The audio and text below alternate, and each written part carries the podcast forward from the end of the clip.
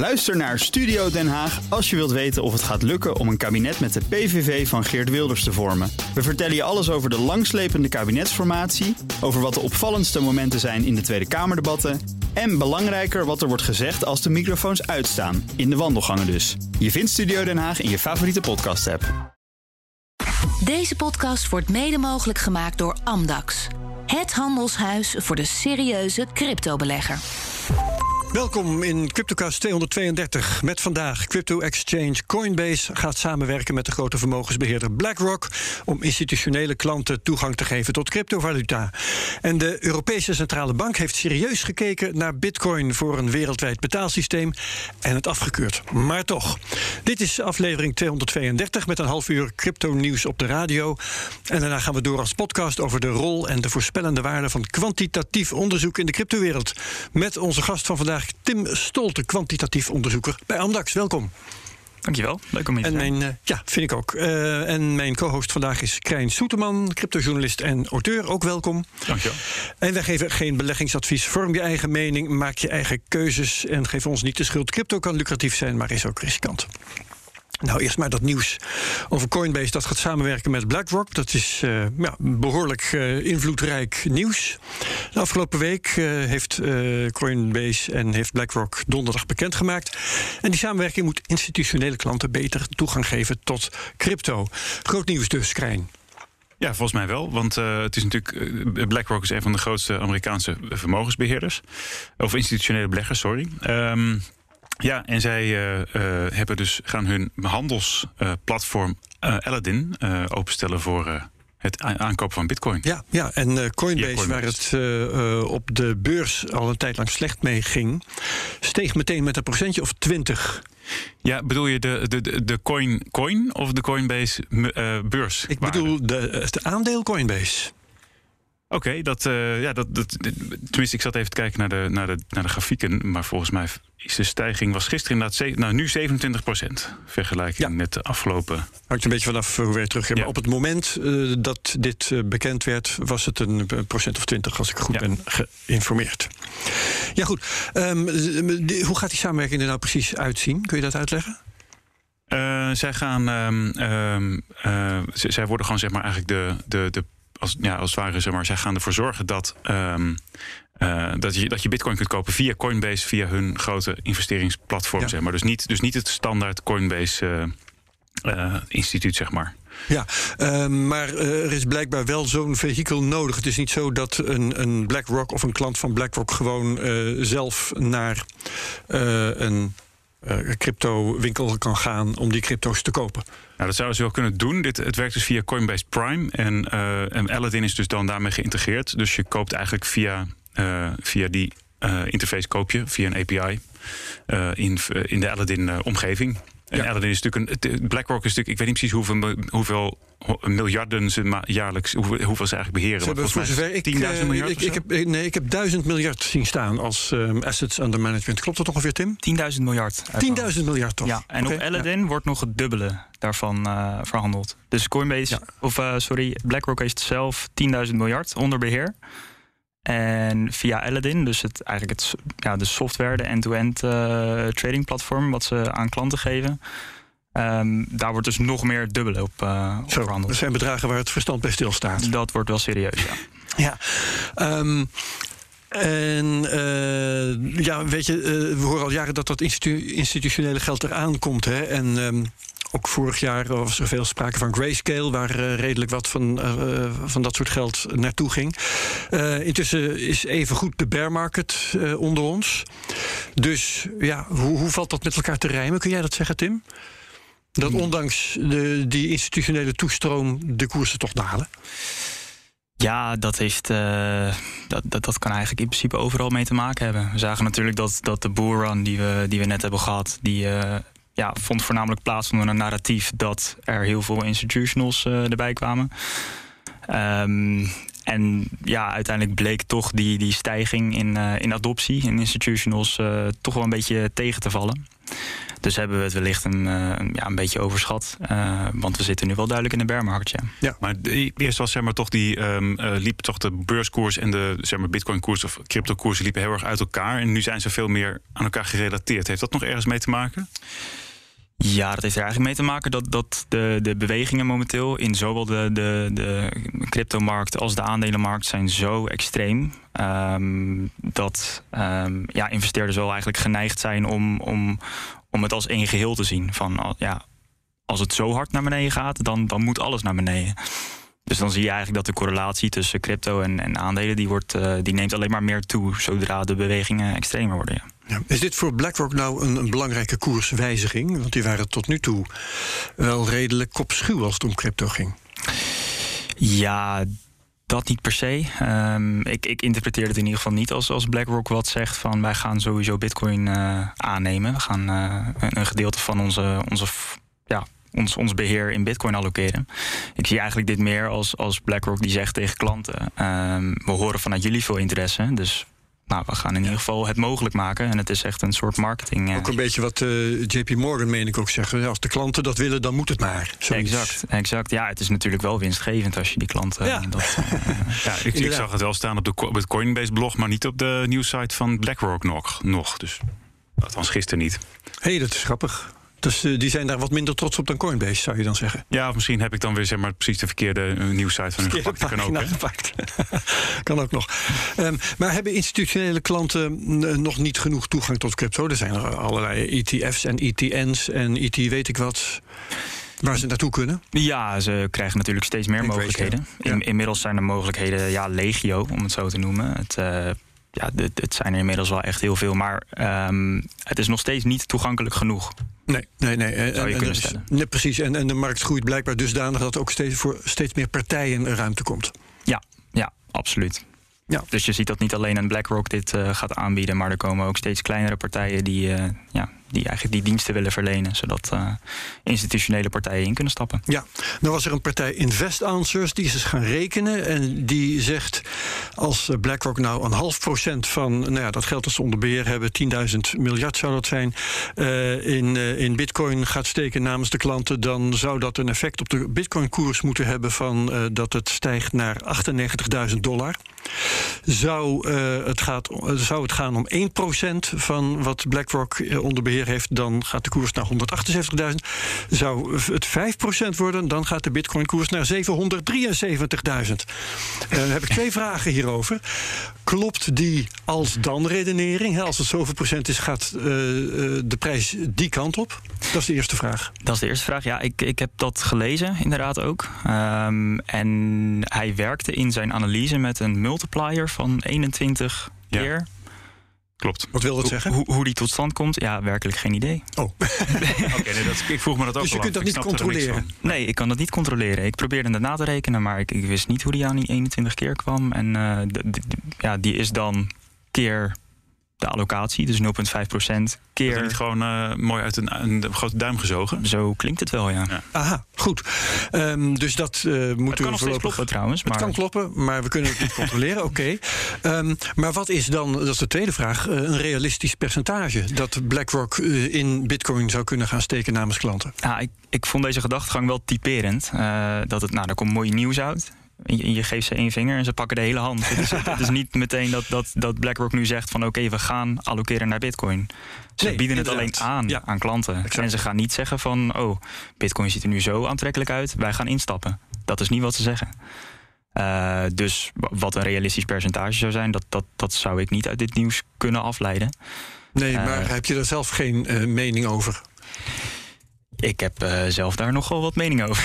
nogal wat mening? nou ja, ze, ze, ze zouden er goed aan doen om, uh, om, om een beetje te allokeren. Maar of dat ja. meteen 0,5% is. Want BlackRock denkt natuurlijk dat vind je ook... eigenlijk nog veel, als ik jou zo Dat, dat is vrij veel. Want BlackRock okay. weet ook van als we dat doen... Nou, dan be beweegt de koers zoveel... Dan, dat, dat, willen we ook weer niet teweeg brengen. Dus zo denken ze ook nog eens een keertje. Dat, uh, ja, ze, ze denken ze, niet alleen vanuit zichzelf. Want die ze zijn sowieso niet al te zeer op zijn kop willen zetten. Exact. Nou, daar vandaan is het maar een kleine stap naar de prijzen. En die gaan we bespreken vanwege vakantie van Bert Slachter met Rational Root. Welkom in de Cryptocast, uh, Root. Hallo, leuk om hier te zijn. Ja, hey, eh, Bitcoin zit alweer een tijdje in de lift. Ik tel uh, nou twee maanden al bijna, een week of acht. Um, wat maak jij daarvan? Ja, kijk, we zitten naar mijn mening nog altijd in een bear market. Hè, en dan zijn er ook rallies die langer kunnen aanhouden. Dus ik ben nog voorzichtig.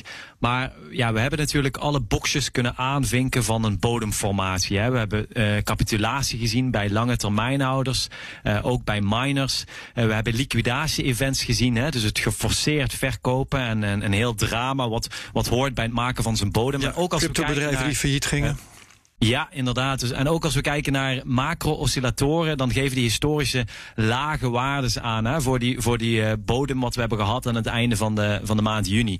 En dus, dus we kunnen eigenlijk alle boxjes aanvinken van, van zo'n bodem. En sindsdien hebben we dan zo'n gelijk, uh, geleidelijke stijging gehad. En dat is een zeer hoopvol signaal. Dat betekent natuurlijk niet dat we niet nog een flinke daling kunnen zien. Hè, want, uh, maar, maar het is toch aannemelijk dat we wellicht hoger kunnen blijven dan de bodem die we hebben gehad. En ja, ik, kijk, ik bekijk eigenlijk altijd alles vanuit het perspectief van, van on-chain analyse. En dan kijk ik in stapjes. Hè. We zitten dus nu weer, we zijn terug hersteld boven de realized price. Hè. Dus dat is de gemiddelde aankoopprijs van alle bitcoin in omloop. Die staat momenteel op, uh, op 21.500 euro. Mm -hmm. En voor mij is de volgende stap, uh, is dat we eigenlijk gaan uh, boven de SOPR-waarde van 1. Nou, moet ik misschien even uitleggen wat ja. dat is. SOPR staat voor Spent Output Profit Ratio. en dat is eigenlijk, is eigenlijk heel simpel. Kijk, op de, op de bitcoin blockchain heeft iedere transactie heeft eigenlijk een input en een output. Hè. Dat betekent dat Bitcoin komt ergens van en Bitcoin gaat ergens naartoe. En als we dan kijken naar eigenlijk waar de prijs van waar die Bitcoin vandaan komt en waar die prijs hè, waar, momenteel is, dan zit daar natuurlijk een winst of verlies tussen. Hè. Dus de prijs en de verkoopprijs. En, en, en als we dan kijken naar de gemiddelde aankoop-verkoopprijs van al, al die bitcoin-transacties samen, dan krijgen we dan je eigenlijk de, de SOPR-waarde. Dus, dus Spend Output Profit Ratio. Mm -hmm. Die op één staat, dan betekent dat dat, dat, dat er eigenlijk kiet gespeeld en dat gemiddeld gezien dus die aankoopprijs gelijk is aan die verkoopprijs. En, en we zien, eh, als we dan kijken hè, naar, een, een macro-schaal van bitcoin, dan zien we dat we in een bull market, dan, dan dient die waarde van 1 altijd als support. En in een bear market dient die eigenlijk een beetje als resistentie. En momenteel zitten we dus net aan uh, uh, te krabben tegen die, uh, tegen die soperwaarde van 1. Oké, okay, uh, SOPR dus Spent Output Profit Ratio. Dankjewel voor je uitleg daarover. Rational Root. Gaan wij hier in de studio verder met um, het nieuws. En dat betreft de Europese Centrale Bank. Die deed de afgelopen tijd onderzoek naar de mogelijkheden van een wereldwijd betalingssysteem. En keek daarbij, heel interessant, ook naar bitcoin en naar stablecoins. Krijn, uh, wat voor conclusies trekt de Europese Centrale Bank daarover?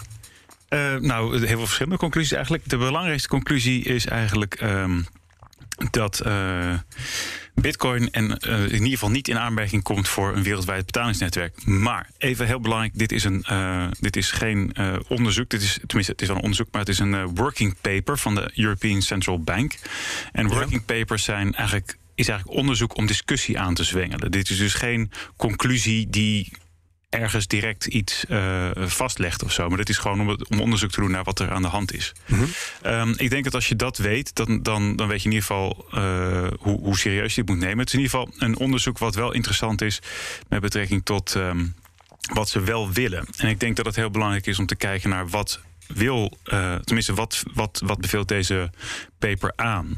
Nou, in eerste instantie, um, uh, het belangrijkste voor hun is dat uh, zogenaamde, dat, dat zeg maar de manier van cross-border payments, dat die uh, heel seamless gaan. En um, dus dat je uh, heel makkelijk kunt wisselen tussen verschillende valuta. Ja, soepel. Dat dat soepel gaat. Um, dat, is, dat is een heel belangrijk ding, want de lokale valuta moeten ge, uh, gewaarborgd worden. Die moeten blijven bestaan. Je kunt dus niet besluiten dat je ineens een ander type geld gaat gebruiken.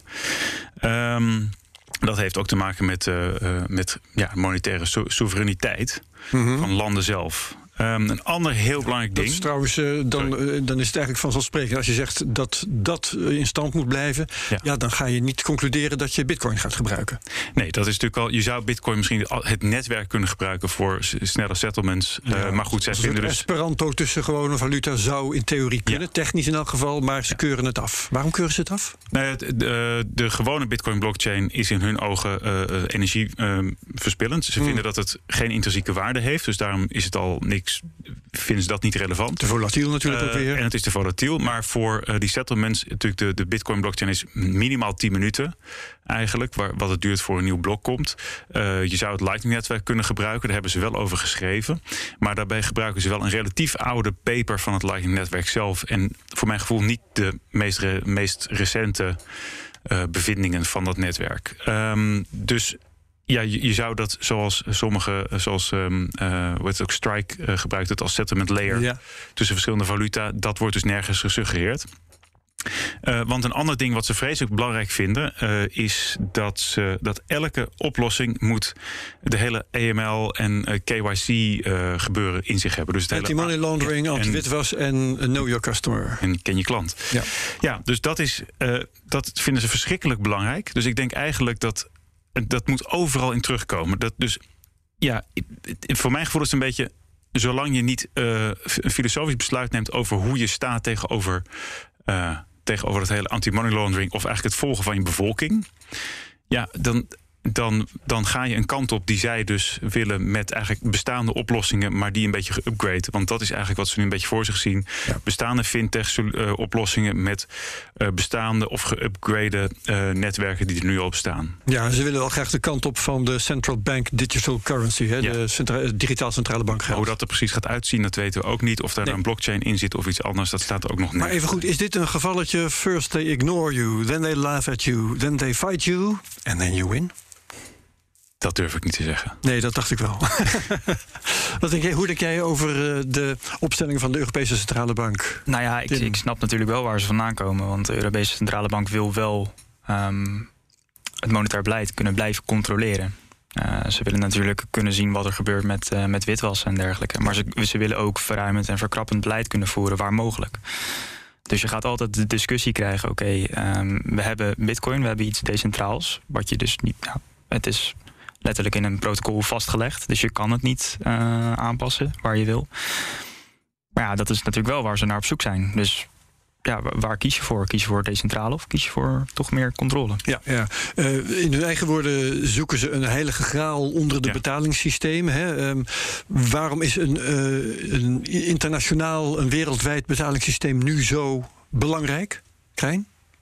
Eh, omdat gewoon steeds meer mensen ineens allemaal fintechs en andere systemen gaan gebruiken, waardoor de centrale banken een beetje buitenspel worden gezet. Ja, want ze zeggen het is eh, de- de- duizend jaar is er naar gezocht, is niet gevonden, is niet zo vreemd. Hè. We zitten nu in een eh, digitale en, en geglobaliseerde tijd dat het nu opeens. Ja, en dat kan er dus nu, na- en nu ineens, duizend jaar kon het niet en nu kan het ineens in tien jaar. En dat, tenminste, wordt hier gesteld. ehm, dat ze zeggen van eh, binnen tien jaar hebben we een systeem. Ja, ze voelen het eigenlijk een beetje uit hun handen glippen eh, Ja. Dat is jouw interpretatie, Tim. Dat, dat, zo zie ik dat. eh. hoe, hoe vond jij deze paper? Heb je hem gelezen überhaupt? ik, ik heb het paper niet, eh, niet van A tot Z eh, doorgenomen, nee. Maar eh, Wat moeten de eigenschappen zijn voor een goed functionerend wereldwijd betaalsysteem, Tim? het moet eh, stabiel zijn. Dat sowieso. Ehm, Dan, daarmee zeg je ook eigenlijk al dat die volatiliteit van Bitcoin dat is echt wel een probleem. Dat is eh, tot op zekere hoogte wel een probleem, ja, momenteel. Ja. dat betekent niet dat het niet opgelost kan worden, maar ehm, ja, momenteel lijkt mij eh, Ja. niet een eh, Andere belangrijke eigenschappen? andere belangrijke eigenschappen, zoals je net al zei, de, de, de soevereiniteit die, die, die landen moeten hebben om wel hun eigen munt te hebben. Ik denk dat dat ook erg belangrijk is. Maar het moet ook efficiënt kunnen zijn. Ehm, en dat is het En momenteel. dan denk je ook weer aan energiegebruik? Of denk je dan aan andere dingen? De, dan denk ik onder andere aan energiegebruik, maar ook aan hoe makkelijk is het daadwerkelijk om, om van de ene naar de andere munt te switchen. Dat, dat is ook wel interessant. Dat staat ook in dit, in het paper nogal groot en duidelijk. eh, dat, er, ehm, dat er op sommige plekken zijn heel, is het heel makkelijk om geld van het ene naar het andere eh, valuta te wisselen. En dan eh, de, de, de spread tussen die, of weet je, hoe heet het Nederlands? Ehm, zeg maar de, Spreiding. dus de spreiding tussen die eh, valuta is dan zo klein dat het heel snel kan. Dus het is, er is eigenlijk praktisch geen koersverlies. Maar dat sommige te kleine landen of te kleine gebieden... dat die misschien een probleem zouden kunnen hebben. Dus dat daar misschien weer iets andere oplossingen gezocht moeten worden. Ja, dat zou zeker kunnen, ja. Maar goed, het is. Ik, kijk, soms, ik, ik hoor hier heel vaak uit dat mensen heel graag Bitcoin als betaalsysteem zouden willen. Maar aan de andere Mhm. kant. Zie ik in dit geval Bitcoin veel meer als een, als een systeem wat gewoon functioneert. Want ze doen het heel moeilijk om een functionerend systeem te zoeken. Ehm, wat, je, wat je zou kunnen inzetten voor bepaalde transacties om die van A naar B te krijgen. En ook weer te wisselen van Bitcoin naar, uh, naar je eigen valuta en terug. En dan denk ik de, dat lees ik dan nergens. En, bedoel, wat, en als ik dan lees welke uh, onderzoekers ze gebruikt hebben, zeg maar bijvoorbeeld uh, onder andere Taleb uh, staat erin met nogal kritische beschouwing over Bitcoin en dat het eigenlijk niks waard is. Denk ja, je hebt wel heel eenzijdig gelezen voor mijn gevoel. Ja, ja, maar uh, daarmee zeg jij eigenlijk iets als, uh, nou ja, als het werkt en als een persoon of een bedrijf kan kiezen, ervoor kan kiezen om bitcoin te gebruiken, waarom zouden we ons zorgen maken om een stempeltje van de centrale bank? Het, het is meer als ik zie hoe makkelijk zo'n die Jack Mellers eigenlijk Nee, Jack Mellers van Strike, die onder andere El Salvador heeft voorzien van de techniek om bitcoin wet Die heeft het relatief makkelijk, ik moet niet te makkelijk maken, maar die heeft relatief makkelijk met weinig mensen een, een, een snel wisselsysteem opgezet voor een wereldwijd betalingssysteem. En denk ik, ja, dat kan dus eigenlijk iedereen met een beetje bravoure blijkbaar. En als je maar de juiste connecties hebt. We gaan uh, even vooruitkijken naar de podcast die we straks opnemen met Tim Stolte. De, uh, jij bent kwantitatief onderzoeker bij Amdax. Klopt. Um, ja, kwantitatief onderzoek. Wat moet ik mij daarbij voorstellen als het om crypto gaat? Uh, kwantitatief onderzoeken, dan kijk je eigenlijk... ja, dat heeft alles van doen met data. Ja. Uh, dus dus alle, alle complexe data, uh, patronen die er zijn, uh, die, die mij en Andax kunnen helpen om investeringsbeslissingen te doen. Dat en, is eigenlijk mijn werk als. Ja, als en die haal je uit blockchains vooral of, of ook uit andere bronnen? die kan je uit heel veel verschillende bronnen halen. Onder andere blockchains, dat is eigenlijk de on-chain analyse natuurlijk, die we, die we allemaal veel kennen. Maar ook traditionele finance kun je veel uithalen, rentestanden en dergelijke. En, um, en natuurlijk aandelenkoersen. Ja, en gaat het dan vooral om het bereiken van een optimaal uh, rendement-risicoverhouding? Uh, of wat, naar wat voor conclusies ben je op zoek? Ja, onder andere dat. Uh, dus ja, eigenlijk je, je, je rendement die gecorrigeerd is voor, voor je risico. je, ja, op basis daarvan wil je gewoon een, een uitstekende strategie neerzetten. Die sowieso ook de buy-and-hold strategie van Bitcoin ja, verslaat om het ja, zo te zeggen. Ja. Kwant uh, heet het beroep uh, kortweg. Hè? Uh, een beroemde kwant is Plan B. Dat is de Nederlandse onderzoeker die onder andere Stock to Flow. dat was een, een, vrij wilde voorspelling over waar de Bitcoin-koers heen zou kunnen gaan. Um, doe jij dat soort werk ook? Ja, ik doe dat soort werk ook. Ik, ik schrijf zelf mijn artikelen om, om, mijn eigen onderzoek te publiceren. Maar ik, ik grijp ook artikelen van anderen aan om, om dat te beoordelen eigenlijk. Om dat de revue te laten passeren. En in een van die artikelen ga ik verder in op op het stock-to-flow model en waarom het eigenlijk volgens uh, econometrische theorie niet, ja, nooit gebruikt zou moeten worden als uh, lange termijn prijsmodel. Oké, nou spannend vraagstuk. Uh, daar gaan we met z'n drieën het over hebben in de podcast die we straks opnemen. Tot zover de Cryptocast op BNR. Als je deze aflevering leuk vond, luister dan ook eens een keertje naar de AIX-factor op BNR. Gaat ook over investeren en beleggen. Dank aan mijn gast Tim Stolter van Amdax. dank aan co-host Krijn Soeteman. Wie meegaat, tot zo direct. Wie het hierbij laat, bedankt. Heel graag tot volgende week bij de Cryptocast op BNR. Deze podcast wordt mede mogelijk gemaakt door Amdax. Het handelshuis voor de serieuze cryptobelegger. Ook Thomas van Zeil vind je in de BNR-app. Je kunt live naar mij luisteren in Zaken doen. De BNR-app met breaking news, het laatste zakelijke nieuws... en je vindt er alle BNR-podcasts, bijvoorbeeld Het Nieuwe Geld. Download nu de gratis BNR-app en blijf scherp.